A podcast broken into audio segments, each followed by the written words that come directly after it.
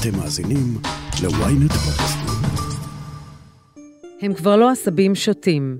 איך הפכו מפלגות הימין הקיצוני ממפלגות שוליים לחלק מהמיינסטרים הפוליטי? אני שרון קידון, וזאת הכותרת. למה השמאל כל כך מפחד ממני? למה יאיר לפיד מתדרך נגדי וכל היום בן גביר, בן גביר, בן גביר, בן גביר? כי הם יודעים שאני זה לא רק דיבורים. מה ישתנה? מה תעשה? מעשים, מעשים.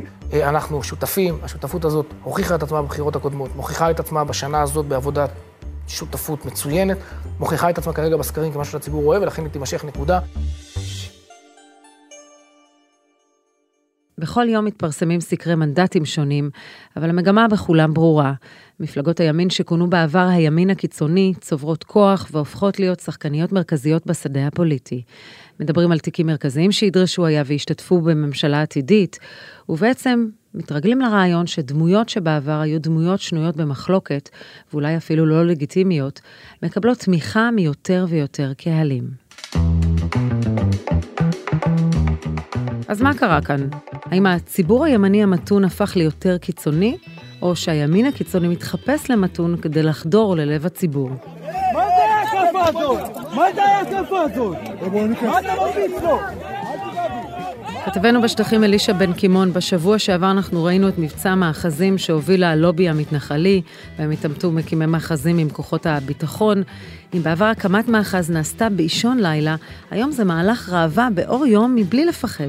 נכון, יש כאן איזשהו מהלך שהוא יותר דקלרטיבי מאשר אה, קביעת עובדות בשטח. ואתה יודע שכשאתה רוצה להקים יישוב, אתה צריך לבוא בלילה, אתה צריך לבוא באופן שקט, ממודר מאוד, ולהציב עובדות כמה שיותר מהר, על מנת שאנשי המשטרה וצה"ל לא יגיעו כדי לפנות אותך. וגם כשהם יגיעו, אז אתה תהיה כל כך גדול, גם במסת האנשים וגם בדברים שהבאת ובעובדות שהצבת, כדי שהדבר הזה לא יקרה. עכשיו, כאן קרה בדיוק הפוך.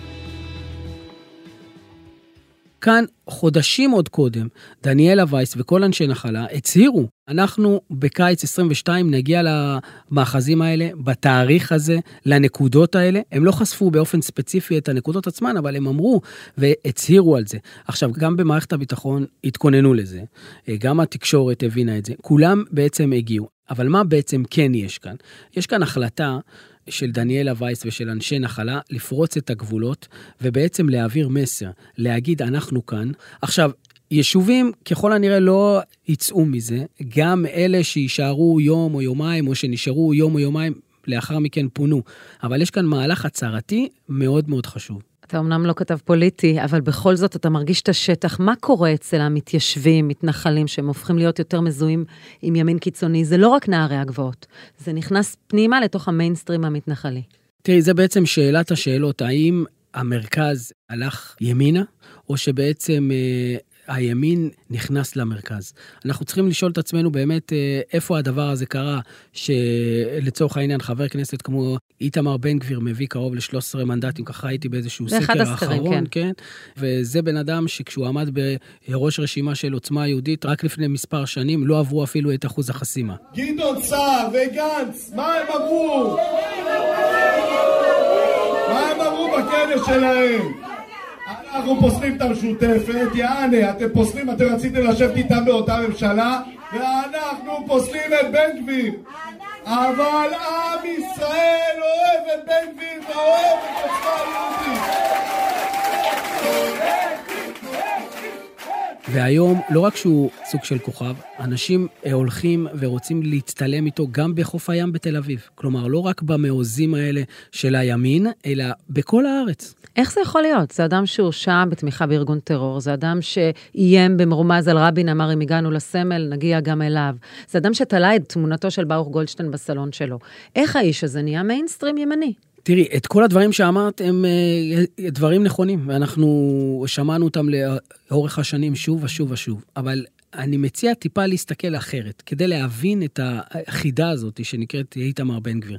לגבי הסמל, הוא גם היום אומר, אני מצטער שהדבר הזה קרה, אולי זה לא היה יכול אה, לקרות, אה, לא הייתי צריך אולי לעשות את זה. אבל אולי זה מס שפתיים כדי למצוא חן? נכון, יכול להיות, אנחנו לא יודעים. הוא גם אומר לגבי הלהט"ב שבעבר הוא הפגין הפגנות כשהיה אה, מצעד גאווה בדרך כלל באזור ירושלים, הוא היה מפגין, והיום הוא אומר הלהט"ב הם אחים שלי. הוא גם אמר בעבר לגבי... כל הערבים. הוא הכליל את כולם, שצריך לגרש אותם מפה וכולי, והיום הוא אומר, רק, אבל אתה יודע למה. רק על כי יש- מחבלים. כי יש לו את, אה, בכל זאת את בית המשפט העליון, יהיה לו את בג"ץ. הרי מיכאל בן ארי נפסל, הוא יודע שהוא אסור לו להיפסל, אז הוא לא יכול להביע אמירות גזעניות. נכון, ובאיזשהו מקום אפשר להסביר את זה אה, שהוא בעצם נכנס לאיזשהי סוג של מכונת כביסה ורוצה לנרמל את עצמו בפנינו. אבל גם יש אפשרות אחרת, שגם איתמר בן גביר של היום, הוא לא, הוא לא אותו אחד של אה, נער בן 16, יכול להיות שגם הוא עבר איזשהו סוג של תהליך מסוים.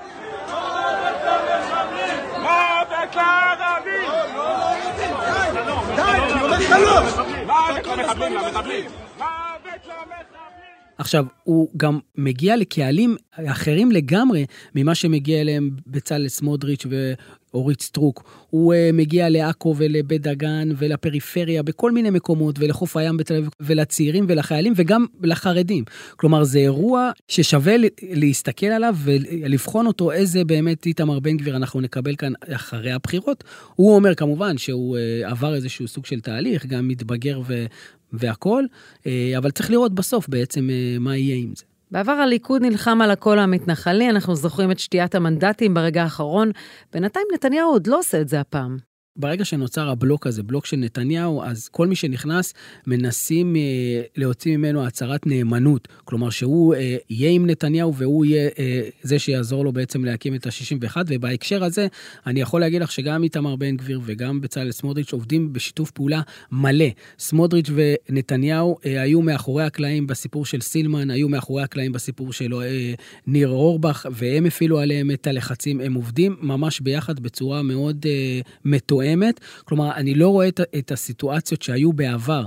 כמו שאמרת, לגבי זה שנתניהו ישתה להם את הקולות. אז זה היה כשהסיטואציה הייתה קצת אחרת, בן גביר רץ לבד ואולי גם שרף קולות. אנחנו זוכרים גם בסיבוב ג' הוא שרף למעלה מ-80 אלף קולות, שזה מספר דמיוני עבור אה, עוצמה יהודית, ולא הצליח לעבור. ובהקשר הזה, נתניהו אמר, אל תצביעו לו, כי זה באמת יישרף. כאן הסיטואציה היא אחרת, לא רק שהוא אה, לא ישתה להם, הוא גם צריך אותם חזקים כדי שישלימו לו ל-61. כאן אני לא בטוחה שהערכה של אלישע נכונה. נתניהו בעצמו לא מת על הרעיון של השר לביטחון הפנים בן גביר ושר האוצר סמוטריץ'.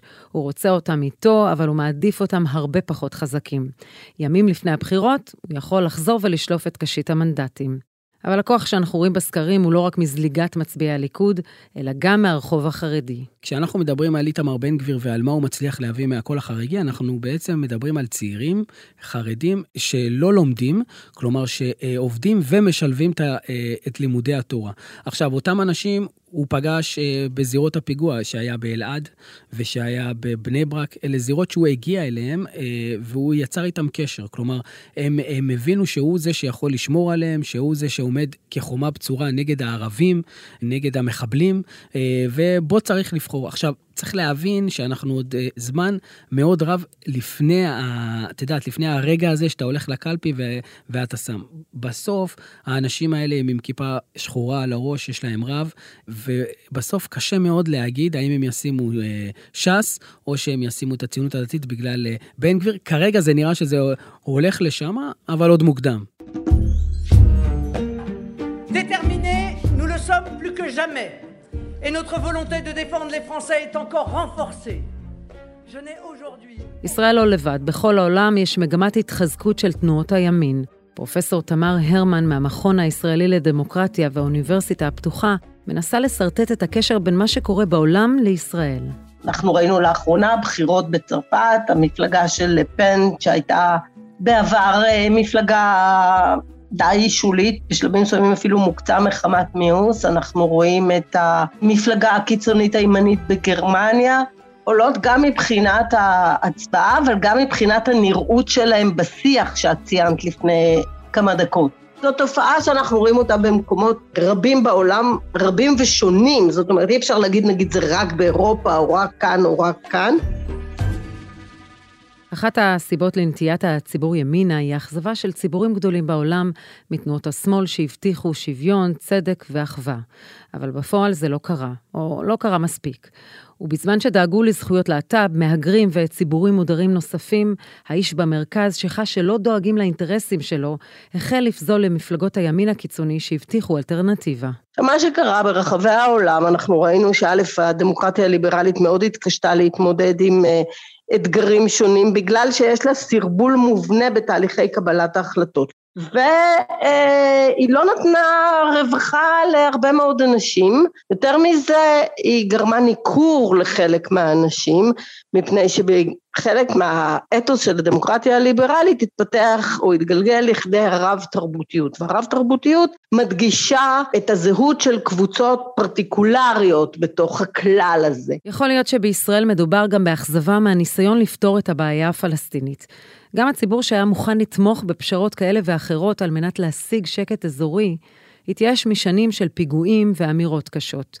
לדברי פרופסור הרמן, הסוגיה הפלסטינית איננה עוד הסוגיה שמפרידה בין ימין ושמאל. היום הנושא של שמאל ימין כמעט לא עוסק בפלסטינים, כי כל הנושא הפלסטיני ירד מסדר, מהשיח הציבורי כבר uh, מספר שנים.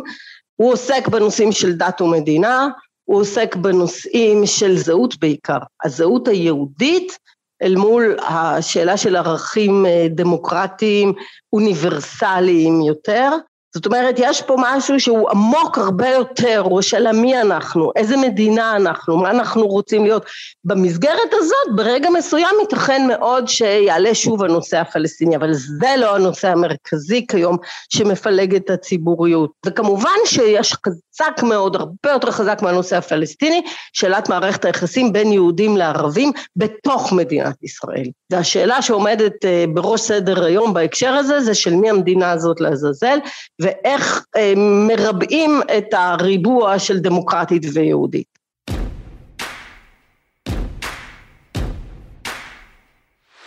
מה שבעבר כונה הימין הקיצוני הופך להיות כוח פוליטי לגיטימי יותר מיינסטרימי. ביטויים גזעניים כמו מחבלים ותומכי טרור על ערבים באשר הם, זולגים לימין המתון. רוחי לרזה יא חיינה, בוגדת. מי שאיתנו צריך לקבל הכל, עד חצי המלכות.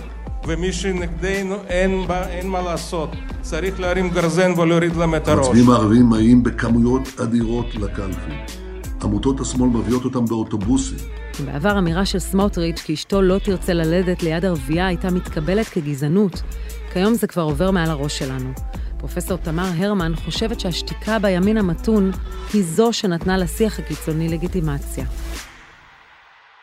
אמרו ערבים הם מחבלים, הם אה, הורסים את המדינה היהודית. ברגע שהימין הלגיטימי נאמר התחיל להשתמש במונחים ובמושגים שבעבר זה היה מחוץ לרפרטואר הפוליטי, זה כמובן נותן רוח גבית להקטין את זה עוד יותר. זאת אומרת, כי היכולת לסמן את הקו בין אה, ימין אני לא הייתי קוראת לו כאן הימין המתון, כי, או הממלכתי, כי ברגע שאת עושה דה-לגיטימציה לקבוצה אה, של עשרים ומשהו אחוז מהאוכלוסייה, אז בעיניי אה, זה כבר לא ממלכתי ולא מתון. אז ברגע שהתחילו להשתמש במינוחים האלה, המעבר לשיח, מה שאת קוראת גזעני, יש לגיטימציה כבר, זאת אומרת, איפה, איפה עוצרים? פרופסור תמר הרמן, המכון הישראלי לדמוקרטיה והאוניברסיטה הפתוחה, תודה רבה. תודה רבה לך. איך התבסס הימין הקיצוני בתוך מוסדות השלטון, ומהם המהלכים של איילת שקד להחזיר את קולות הימין. הודעה קצרה, ומיד נמשיך עם הכותרת. Ynet פלוס החדש עם הסיפורים הכי מעניינים ומיטב הכותבים. חודש ראשון בחמישה שקלים ותשעים בלבד. למצטרפים חדשים כפוף לתנאי השימוש.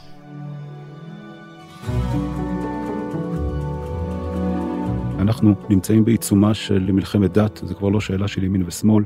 אה, הנה, קחי לדוגמה את אה, בנט, בנט הוא איש ימין, ותראי מה שקרה לבנט. יאיר נאורי, מחבר הספר המהפכה השלישית, מגדיר את עצמו כאיש שמאל שגדל בציונות הדתית. הוא מוטרד מאוד מהאדישות לנרמול השיח הקיצוני, ולא בוחל במילים קשות לתאר את התופעה. לטענתו, כל מהלך ההתקרבות של הימין הקיצוני לציבור הימני-ממלכתי הוא מהלך השתלטות מחושב. יש כאן מאבק על זהותה היהודית של המדינה, מאבק שהתחיל עוד בשטחים של כיבוש כל חלקי הארץ בשם אותו חזון משיחי, חזון של ארץ ישראל ועם ישראל עבור תורת ישראל ולהכיל כאן את התורה כחוקת המדינה. ההרגשה היא, אה, לפחות כך אני, ממה שאני שומע, שהימין המשיחי הבין שהוא כבר ניצח את השטחים ועכשיו המאבק הוא על הבית פנימה, כאן, מה שקורה פה בבית. אם נשים בצד את המילים הלא נעימות והקיצוניות בעצמן של נהוראי, הוא מצביע על שיטות רבות של כניסת גורמים שבעבר נחשבו לקיצוניים ללב השיח הישראלי. כשאתה נכנס לתוך אה, חדרי הלימוד של אותו אה, ימין משיחי שפעם היה ציונות דתית, היום זה כבר לא ציונות דתית, היום זה נאמני הרב קוק, ששילבו, למעשה, איחדו את התורה שלהם יחד עם תורתו של כהנא. כשאתה רואה מה הם לומדים בחדרי הלימוד והם מדברים על כך שהם, אה, המטרה שלהם היא לחולל שינוי חברתי בלב החברה היהודית בישראל, ואיך עושים את זה על ידי הקמת גרעינים תורניים ועל ידי חינוך ועל ידי שליחת בנות בשירות לאומי לתוך אה, מרכזי אה, ערים חילוניות, והכל במטרה להוביל לכך שרוב הציבור היהודי בישראל יתחיל להפנים את העמדות האלה ויפעל לכך שהדמוקרטיה המהותית, קרי בג"ץ, כבר אה, היא למוטט את בג"ץ, זה צד אחד, צד שני, ואת זה אנחנו ממש רואים, הם שולחים את אנשיהם להשתלט על מוקדי כוח בחברה הישראלית, בכלכלה, במשפט, ומשם לשנות את המדינה אה, לכיוון התורה. ואולי נשאל את השאלה ההפוכה, האם יכול להיות שגורמי הימין הקיצוני שאיפו את הקצוות ומיתנו את עמדותיהם? יש כאן שתי תפיסות עולם שלא יכולים לחיות זה לצד זה, יש כאן את הציונות הדתית המשיחית שלמעשה השתלטה על הציונות הדתית, ותפיסתו של בן גביר שחותרת לקראת מדינה יהודית, אני מדגיש יהודית, לא כל אזרחיה יהודית, שלא יהיה כאן אה, אה, שלטון חוק במובנו המהותי. ברגע שלא יהיה בג"ץ ולשם זה הולך, כי אנשים לא מבינים שפסקת ההתגברות היא, אנחנו כפסע לפני חקיקת פסקת ההתגברות, מי שלא יודע מה זה פסקת ההתגברות, אני אסביר, פסקת ההתגברות זה אומר שבג"ץ לא יוכל לבטל חוקים שאינם עומדים בקנה אחד עם מגילת העצמאות וחוקי היסוד, וזה אומר, אין הגנה, וזה אומר שהרוב, מחר הרוב מחליט למעשה הדמוקרטיה המהותית מובנית על ידי זה שהרוב מסכים שכוחו מוגבל כדי לא לפגוע במיעוטים. אי אפשר שלא לראות שהימין איבד לגמרי את הדן מרידוריות שלו, בוא נקרא לזה ככה, ומה שנשאר זה איזה חלל שכל כולו אה, ביבי בשלטון, ולתוך החלל הזה נכנס האידיאולוגיה האמונית. ובואו נזכור, עד לפני חודש היה כאן ראש ממשלה שהגדיר את עצמו כימני, ואפילו סומן כסמן הימני של בחירות 2013 ו-2015. מהיום מפסיקים להתנצל. התפקדו עכשיו לבית היהודי. כיום אחרי ההליכה נגד המיינסטרים הימני של נתניהו, בנט וחברו לסיעה לשעבר מתן כהנא כבר מתויגים בקרב מתנגדיהם כאנשי שמאל. בנט הוא איש ימין מובהק, הוא היה מנכ"ל מועצת יש"ע, הוא לא שינה את תפיסת עולמו. כהנא בוודאי שהוא איש ימין, הוא בשר מבשרה של הציונות הדתית, אגב למד באותו בית ספר שלי, נתיב מאיר. וכשאתה מסתכל ששני האנשים האלה, של uh, מרכז הרב, שהוא לכאורה הבסיס האידיאולוגי של הימין הקוקניקי, לא הזמין אותו בחג העצמאות, והדברים וה, הנוראים שנאמרו עליו על ידי אותם רבנים חרדים משיחיים, אני לא קורא להם ציונות דתית, אתה מבין שהמאבק הוא בכלל לא על ימין ושמאל. למה הם יצאו נגדו? וצריך להבין את זה, הם יצאו נגדו כי הוא חבר לשמאל, והוא גם חבר לערבים.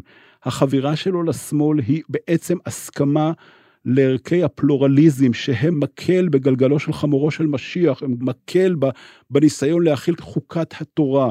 וזה הפשע הגדול שלו, הוא גם חבר לערבים, שזה פגיעה באומה הישראלית. ובנט, על אף שהוא ימני, הוא למעשה אמר, אני בעד בג"ץ ואני בעד ערכי פלורליזם. זה המאבק, אני חושב. יאיר נאורי, תודה רבה. תודה רבה.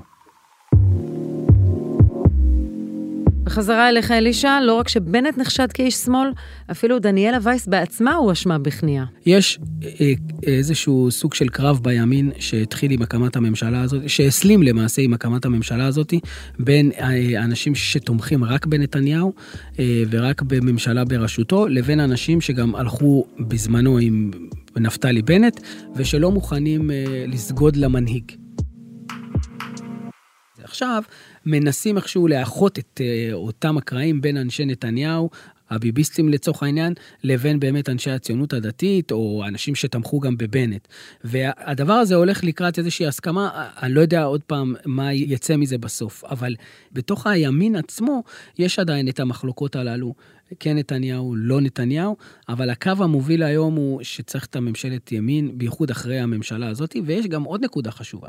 כשאנחנו דיברנו עם אנשי ימין רך, אה, יועז הנדל, אה, איילת שקד, מתן כהנא, זאב אלקין, שהיו חלק מהממשלה הזאת, והם בשיחות סגורות אומרים, אחרי שאנחנו ישבנו בקואליציה עם מנסור עבאס, ווליד טאה, איך אנחנו יכולים להסביר שאנחנו לא רוצים לשבת עכשיו בקואליציה עם איתמר בן גביר? ברגע שנרמלנו את, ה, את הצד הזה, אז אנחנו חייבים גם לתת נרמול לצד הזה. אז, אז בהקשר הזה אני לא רואה, אה, אני לא אתפוס את הראש אם אני אראה קואליציה בסוף, עוד חצי שנה, שבה יושבים גם יועז הנדל וגם איתמר בן גביר. גדול מכשילי ממשלת הימין הוא בצלאל סמוטריץ'. בעוד אנחנו פועלים להקים ממשלה, סמוטריץ' שורף את האסמים בקמפיין פוליטי בלתי נלאה. יש לאיילת שקד סיכוי להחזיר את הקולות שבעבר תמכו בימינה, וכמובן התאכזבו מההליכה לממשלת השינוי? תראי, איילת שקד עשתה לאורך השנה הזאת לא מעט פעולות אה, שבאמת פגעו ב, בתוך הימין. לצד זה, אני חייב להדגיש שהיא עשתה פעולות מול ראשי המועצות שמאוד חיזקו את המעמד שלה. כלומר, בשקט בשקט, היא מאוד סייעה לראשי המועצות ביהודה ושומרון, העבירה תקציבים, וכל מה שהיא יכלה לעשות במסגרת משרד הפנים, היא עשתה. עבור ההתיישבות עצמה. עכשיו, לא תמיד זה קיבל הד, כי זה היה חלק מאותו קמפיין נגד אותה ממשלה וכולי וכולי, אבל היא כן יצרה לעצמה איזשהו אה, סוג של בסיס מסוים. עכשיו, אני שמעתי לא מעט פרשנים מהימין, שאומרים שהאיילת שקד צריכה ללכת אה, הביתה, לעשות לביתה ולנוח. אני לא חושב ככה.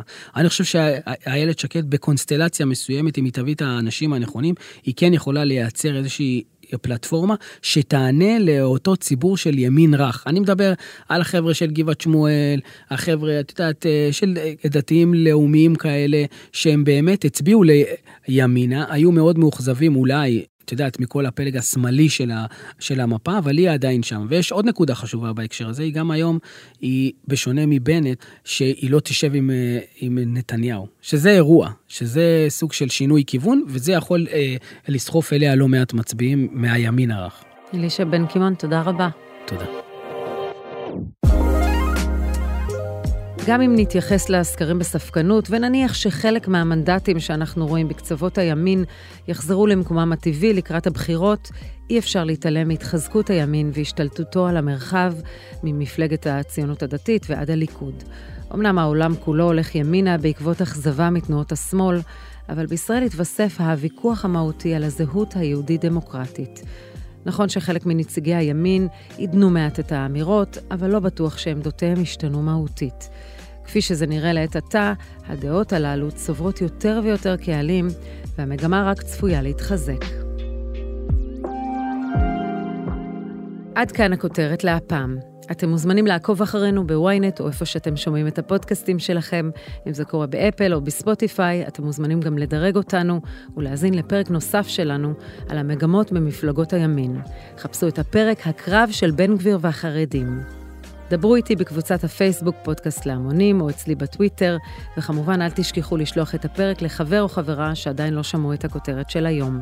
עורך הפודקאסטים הוא רון טוביה, תחקיר והפקת אסגדות, עריכה וארכיונים גיא סלם, על הסאונד סתיו בצללי, אני שרון קידון, ניפגש בפעם הבאה.